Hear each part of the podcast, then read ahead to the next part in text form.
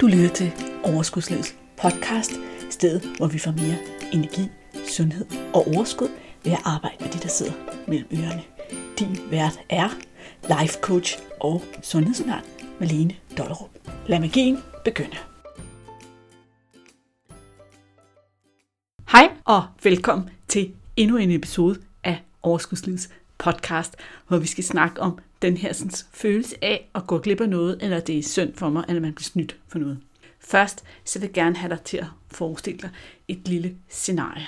Forestil dig, at der sidder tre børn i en sofa og skal se Disney-show. Hver af de tre børn de får en skål med slik, og de tre slikskåle er lige store. De bliver nu sat i sofaen, og der bliver tændt for Disney-show. Det ene barn han sluger alt slikket. Han spiser sit slik i løbet af 5 minutter, mens de to andre børn, de spiser deres slik lige så langsomt et stykke gangen med lidt pauser og sidder og udvælger sig et stykke og nyder det, og kan egentlig få det til at vare hele timen, hvor der er Disney Det første barn, han kigger nu ned i sin skål og siger, at den er tom. Og så råber han, mor, mor, jeg har ikke mere slik, de andre har slik, jeg har ikke mere slik, giv mig noget mere slik. Vil du give ham noget slik? Vil du synes, at det var synd for ham, at han ikke havde mere slik, fordi han havde spist den portion, som var nøjagtig magen til de to andre børns hurtigere end de andre børn. Jeg kan selvfølgelig kun gætte på, hvad du svarer, men jeg ved i hvert fald for mit eget vedkommende, at jeg vil sige nej. Skat, du har fået din portion slik, og du valgte at spise den rigtig hurtigt, og sådan er det. Hvorfor fortæller jeg dig den her historie? Hvad har den med noget som helst at gøre? Jo, den kunne godt have noget med at gøre, at den dreng, der sad og havde spist sit slik rigtig hurtigt og kiggede ned i slikskoen, han synes, det var lidt synd for ham, når han så de andre spise slik. Men, det, men når vi ser det udefra, så synes vi jo i virkeligheden ikke, at det er særlig synd for drengen, for han har jo fået sin portion med slik. Og nogle gange, så kan det godt tjene os voksne mennesker at overveje lidt, om det er den situation, vi også står i. Jeg hørte engang en amerikansk coach snakke om, at hun havde haft et problem med ikke direkte at være alkoholiker, men at drikke ret meget. Altså, hun ville gerne lige have et glas Chardonnay eller tre hver aften. Og hun havde besluttet for sig selv og sit liv, at hun ikke drak mere. Hun kunne godt vælge at drikke en gang imellem, men hun havde besluttet, at det gjorde hun ikke mere. Og det, som hun blandt andet sagde, var, at når hun kiggede tilbage, så havde hun fået de glas vin i sit liv, som hun havde brug for. Og jeg har hørt en lignende historie om en mand, der var holdt op med at spise sukker. Jamen, jeg har spist sukker nok for en livstid, var hans udtalelse for, hvorfor han havde besluttet, at det behøvede ikke være mere i hans liv. Jeg fortæller dig ikke det her for at sige til dig, at du skal tage så drastiske beslutninger.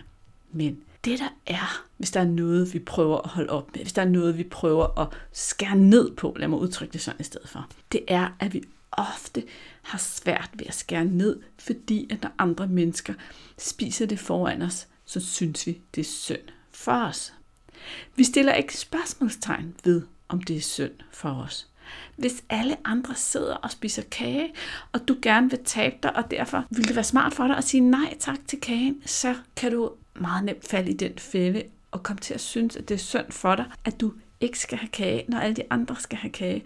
Og derfor så enten spise kagen alligevel, eller sidde i en form for selvmedlidenhed og offerrolle, når du ikke spiser kagen. Og sidde der og ikke synes, det er særlig sjovt at være i den situation til det selskab, eller hvor det nu er, du er. Fordi du er så fyldt op af, at det er synd for dig, at du bliver snydt for noget, at du går glip af noget, når de andre spiser kage, eller pizza, eller drikker vin, eller hvad det nu er, du gerne vil skære ned på. Eller du bruger den her sådan, følelse af, at det er synd for dig, hvis du ikke får noget, når de andre må, til at give efter og ikke holde dit ord til dig selv. Og så bagefter så spørger du dig selv, hvorfor er jeg så dårlig til at holde aftaler med mig selv? Og lige her, der er svaret jo, jamen du er dårlig til at holde aftaler med dig selv, fordi når du står i en situation foran noget, du gerne vil have, så går din hjerne over til den strategi, der hedder, det er synd for mig, at jeg ikke må få det. Men hvad nu, hvis det ikke var synd for dig?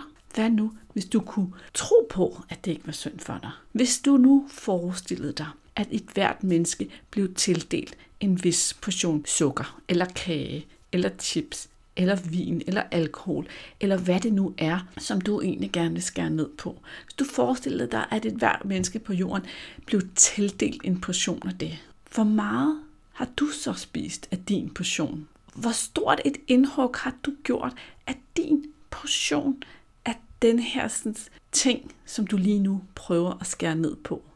Har du været lidt grådig i starten af dit liv med at få spist af den her portion kage, eller sukker, eller chips, eller alkohol, der nu var der tildelt?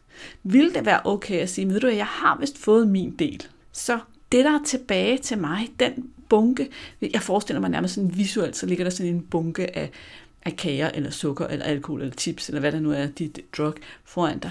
Den bunke, der er tilbage til mig og mit liv, den vil jeg fordele strategisk på tidspunkter, hvor jeg vælger at gøre det, fordi det giver mening for mig.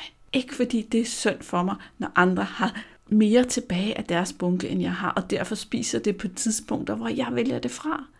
Nej, min bunke er bare ikke så stor. Da da jeg så gjorde mig tankerne om den her podcast, så kom jeg til at tænke på, at det er jo altid godt at give nogle eksempler, og for eksempel give eksempler fra sit eget liv. Og det fik mig til at tænke på, hvor lever jeg virkelig selv rigtig meget med den her. Og det gør jeg med alkohol. Hvis du har hørt podcast-episoden, der hedder Min Historie, som ligger ret mange episoder tilbage, men jeg skal nok linke til den i episodenoterne, så ved du, at jeg voksede op med en far, som var alkoholiker.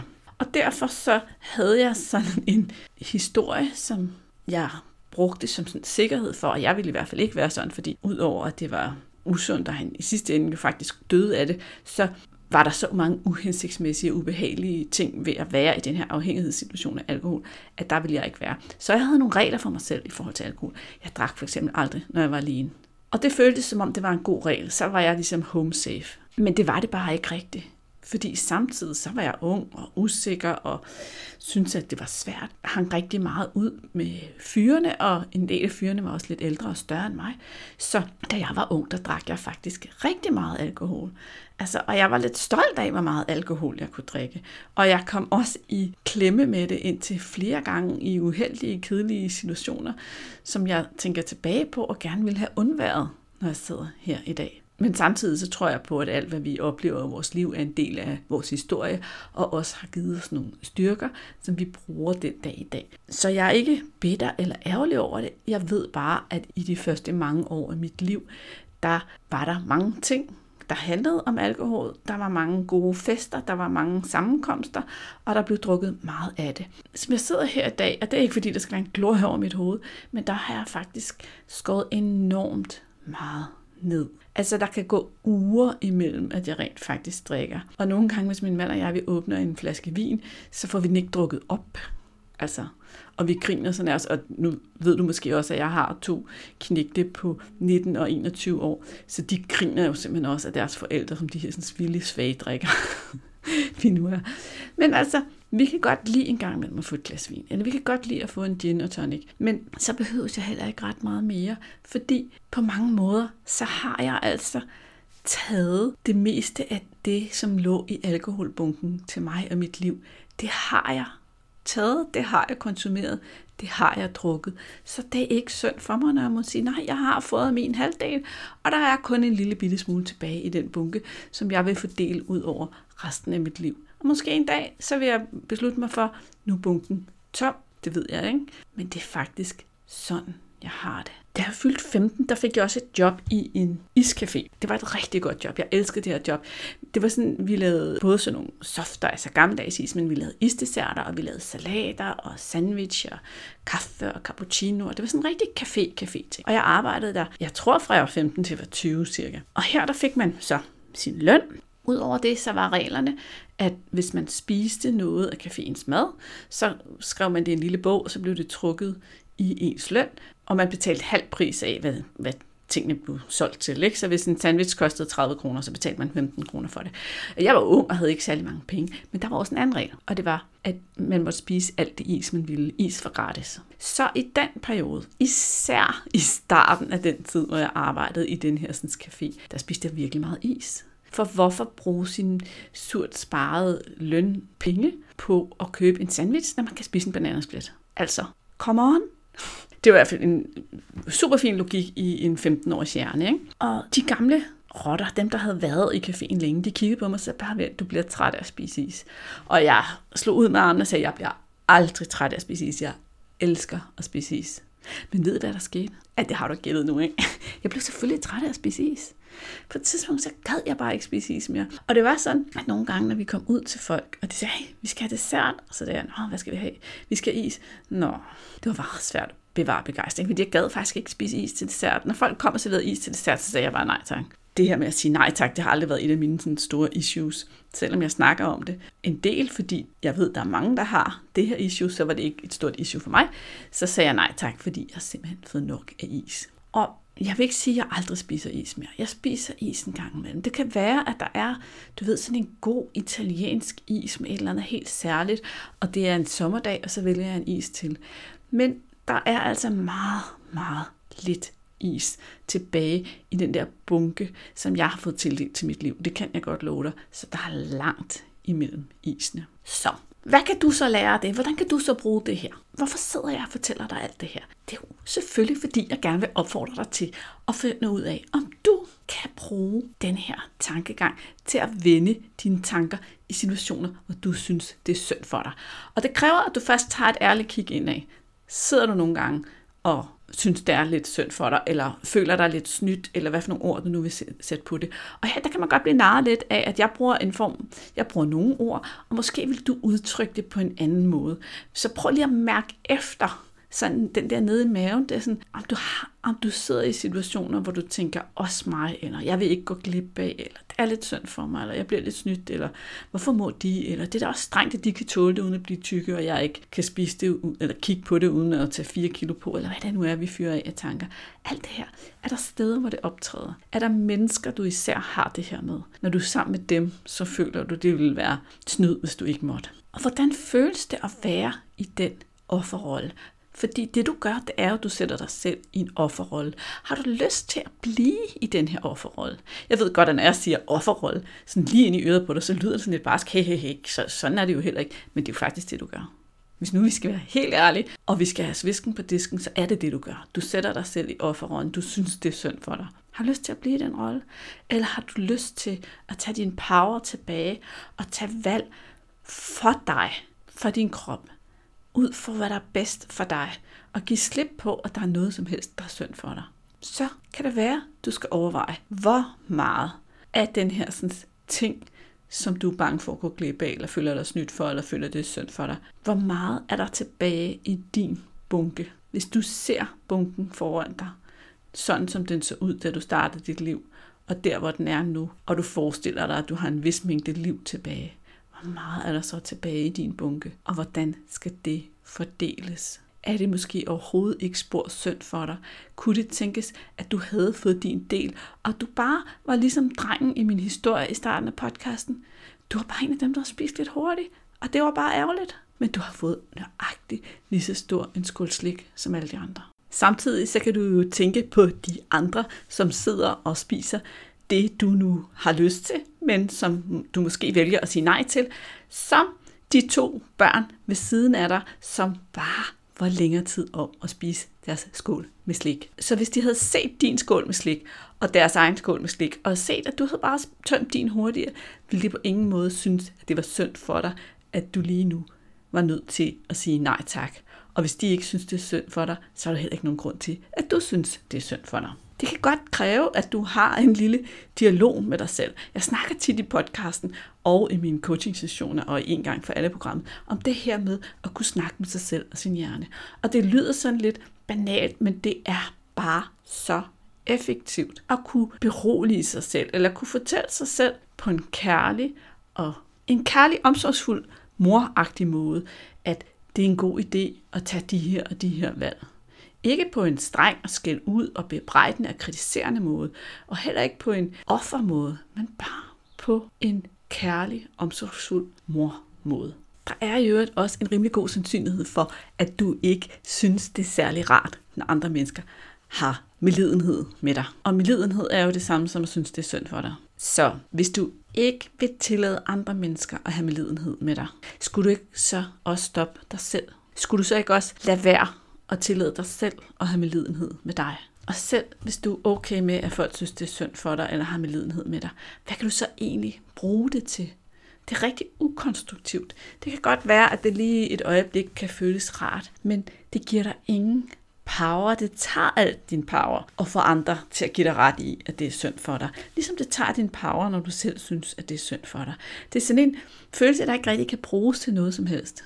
Hvis du i stedet for vælger til og fra med udgangspunkt i dig selv og hvad du synes er rigtigt, og du kan lide din grund til at vælge til og fra, så kan du føle power, så kan du føle dig stolt af dig selv, så kan du have din egen ryg.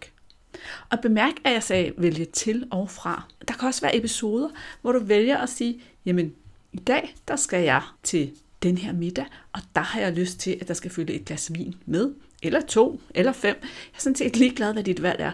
Men du tager et bevidst valg om, at det er det, du har lyst til. Eller jeg skal til den her kaffe kage kom sammen, så jeg har lyst til at spise et stykke kage. Og så har du igen din egen ryg, og er okay med, at det er dit valg, så kritiserer du dig ikke selv bagefter, og synes, det var lidt dumt, og har lidt ondt af dig selv over, at du fik spist den der kage, som du selv har valgt, du skal spise. Nej, det er ikke synd for dig. Du har taget dit valg, og du kunne lide din grund til at tage den, og du kunne lide din grund til at tage det valg, og så er alt egentlig godt. Så har du din power hos dig. Måske har du lyst til, ligesom jeg gjorde, inden jeg lavede den her episode, at tage lidt på rejse i forskellige former for nydelsesmad, som jeg kalder det. Altså alt det her mad, vi spiser alene for at opnå nydelse, som bidrager med kalorier uden at bidrage med ret meget næring. Og jeg nævner bare i flæng alt med alkohol, sodavand, kager, chips, peanuts, fast food, slik, chokolade, is, alle de her ting. Du kan sikkert selv komme på flere, eller du har et eller andet foretrukken, som jeg ikke har nævnt. Prøv at gå lidt på opdagelse i hver af de her kategorier, og så prøv at lægge mærke til. Se de her bunker, du blev tildelt, da dit liv startede foran dig. Hvad for nogen er ved at være tomme? Hvad for nogen har du ikke ret meget tilbage af? Og hvordan kan du blive mere bevidst om, hvordan du vil fordele det, du har tilbage? Og er der måske nogle bunker, som faktisk er tomme? Noget, du har eller er klar til at sige helt farvel til. Fordi det er en vigtig pointe her. Jeg er ikke fan af, at vi vælger noget fra, fordi vi anser det for skadeligt, men vi egentlig godt kan lide det, og vi ved, at vi kommer til at savne det i vores liv. Jeg er fan af, at vi finder ud af, hvordan skal vores forhold til det være. Så ligesom jeg nævnte i starten med den her coach, der havde valgt alkoholen fra, så er det et godt valg for hende, fordi det føles rigtigt for hende. Mens andre måske vil vælge at skære ned og kun have enkelte glas, eller hvordan det nu skal fordeles. Og det samme gælder egentlig dig. Hvordan kan du se dit liv være fremad? I en gang for alle coachingprogrammer, der taler jeg rigtig meget om det her med, hvad er det for en vej, du ser for dig, som du kan se dig selv leve efter år efter år efter år? Hvad er det for noget nydelsesmad, der er plads til på den vej? Hvad er det for noget, der er vigtigt for dig at have med? Fordi vægttab kan sagtens skabes, selvom at der er plads til nydelsesmad i vores daglige kost, når vi tager bevidste valg.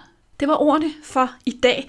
Det var en rigtig mindset-strategi podcast, du fik her. Jeg kan godt lide at lave den her slags podcast, hvor jeg forestiller mig, at du har fået nogle bedre med dig, at du har fået en mulighed for at rykke lidt på dit mindset, hvor du er blevet provokeret og udfordret lidt. Inden vi skilles, så vil jeg sige, at hvis du er en af dem, som er så god, så du lytter til podcasten lige når den kommer ud. Så hurra for dig. Sådan en podcast har jeg også, jeg følger. Jeg bare glæder mig til, at der kommer den næste episode. Så kan du lige nøjagtigt nå det. Og hvad mener jeg så med det? Jeg mener, at gruppecoaching-programmet en gang for alle starter på tirsdag.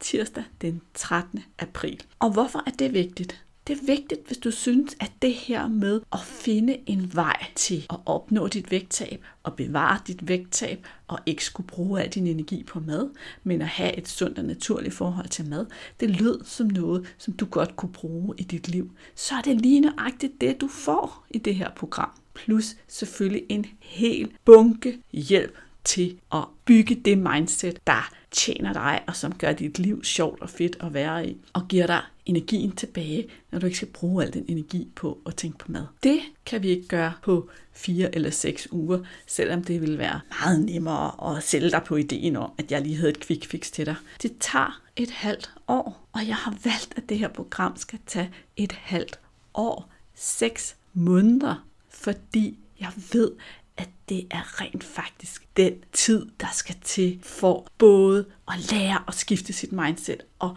skifte sine mønstre og ændre sine vaner og bygge en vej, som virkelig fungerer for en. Hvor der også er plads til, at man kommer ind fyldt op af energi og fyldt op af begejstring og motivation over at skulle noget nyt, og så fader den her begejstring af, og man får tilbagefald, og man lærer også at håndtere sin tilbagefald og komme op på hesten igen og komme videre og ikke få det til at betyde andet end, at det er en naturlig del af en proces. Og hvis man stopper for tidligt, så ender man ofte med at opleve de her tilbagefald som det, der stopper hele ens proces. En anden god, faktisk lige så virkelig god grund til, at du skal bruge 6 måneder på det her, det er, hvor lang tid har du brugt på at opbygge det mønster og det forhold til mad, som du har lige nu. Du har garanteret brugt flere år.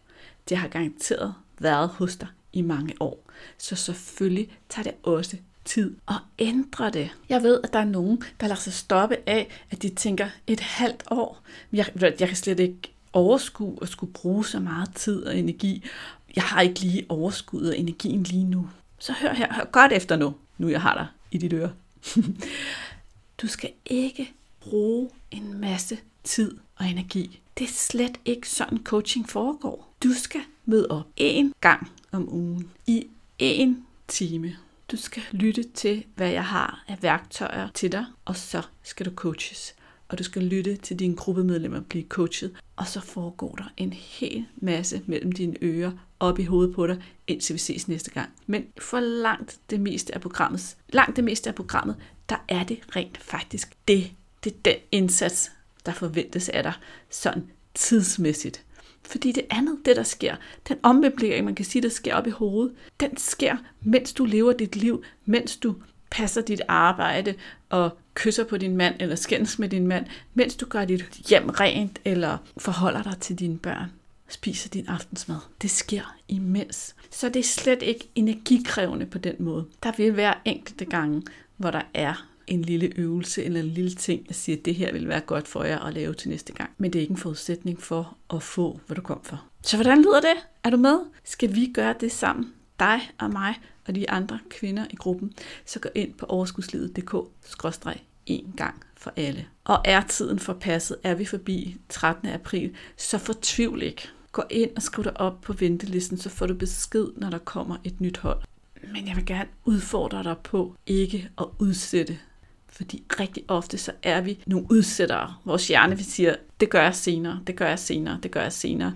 Fordi der er jo en del af vores hjerne, der ikke er særlig glad for forandring så er det ligesom nemmere at sige senere. Den historie, vi fortæller os selv, den fastholder os i at udskyde det, som vi gerne vil forandre, i stedet for at få taget hul på det nu, og få fornøjelsen og glæden af at få noget til at ske nu. Godt, vi ses på tirsdag. Jeg glæder mig rigtig meget. Du kan læse mere inde på overskudslivet.dk en gang for alle, og du skriver bare en gang for alle ud i et, eller du kan suge hen til episodenoterne og finde linket til programmet. Vi ses på tirsdag. Hej så længe kan vi lige få plads til et par udtalelser, anmeldelser af podcasten i den her episode også? Ja, selvfølgelig kan vi det. Sidste gang lovede jeg at læse nogle af de anmeldelser, som bliver skrevet på bloggen i bloggens kommentarspor, og her kommer nogle hilsner fra Lise til sidste uges episode, altså episoden med titlen Dit spisetempo federe, skriver Lise. Tak for denne påmindelse om at spise langsomt, og hvordan jeg lykkes med det. Så er der en hjertesmiley, som altid relevant, kort og præcist. Til episoden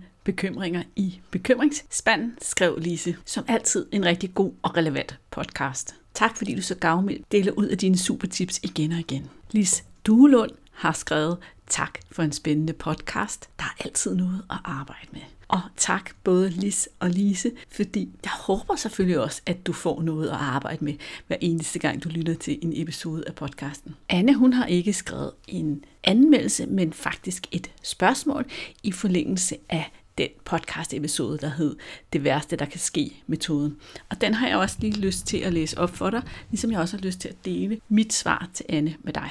Kære Malene, tak for inspiration til det værste, der kan ske. Jeg står med en tvangslukket butik, en medarbejderopsigelse efter hendes eget valg, som rystede mig, og for at være helt ærlig, så rystede det mig hver gang nogen siger mig fra, og jeg tænker, at det hele måske handler om svigtfølelsen, altså at blive afvist, som jeg har med mig fra barns ben. Må jeg spørge, hvad du tænker om det? Og selvfølgelig må Anne det, for det er jo et rigtig godt og relevant spørgsmål. Og det er også ret skarpt set af Anne, at når det føles så voldsomt for hende, at en medarbejder siger fra, så handler det om noget inde i hende, og formentlig noget fra sin barndom, hun ikke har helet helt. Jeg har svaret hende, kære Anne, husk, at andre menneskers handlinger altid handler om dem selv. Hvad de end gør, så gør det det på grund af deres tanker og deres følelser. Det er helt uden for din kontrol. Du kan sagtens have fat i noget af det rigtige, når du skriver. Det måske handler om svigtfølelsen fra barndommen. Den styrer din fortolkning af, hvad det er, der sker. Derfor kan det også være meget befriende med at arbejde med at slippe den følelse. Du er velkommen til at skrive direkte til mig, hvis du har flere spørgsmål. Kærligst Malene, din life coach. Og det her er jo et svar på noget, Anne har skrevet på bloggen. Så det bliver jo ikke så personligt og uddybende, som hvis vi havde en mailkorrespondence. Så ville jeg kunne hjælpe hende lidt bedre. Eller man kunne hoppe på telefonen og finde ud af, hvad er det, der ligger dernede, og hvad er det, der skal gøres ved det. Fordi at arbejde med sådan nogle ting, det kan give en utrolig befrielse i ens liv. Du er også velkommen til både at skrive kommentarer på bloggen, eller skrive direkte til mig, hvis du har noget, du går og spekulerer over. Og så vil du høre fra mig så hurtigt, som jeg nu får tid til at komme til tasterne. Det var alt for den her gang. Du har fået en metode til at skifte dit mindset. Du har fået en lille pep talk om, hvorfor en gang for alle kunne være relevant for dig. Og til sidst, så har vi læst højt af podcast-anmeldelserne. Nu er der vist ikke mere for den her 25 Vi høres ved igen i næste uge. Jeg glæder mig allerede til at hænge ud i dit øre. Hej hej.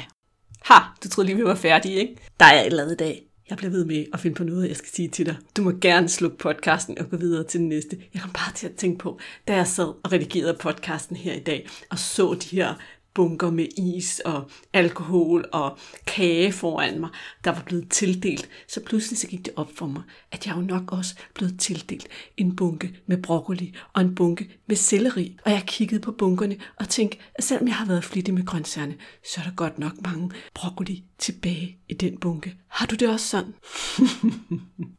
godt. Nu slukker vi og lukker vi. Jeg forlader dig med det billede på nethinden. Vi høres ved i næste uge. Hej. Hey, inden du løber, glem ikke at abonnere på podcasten, så du ikke går glip af en eneste episode.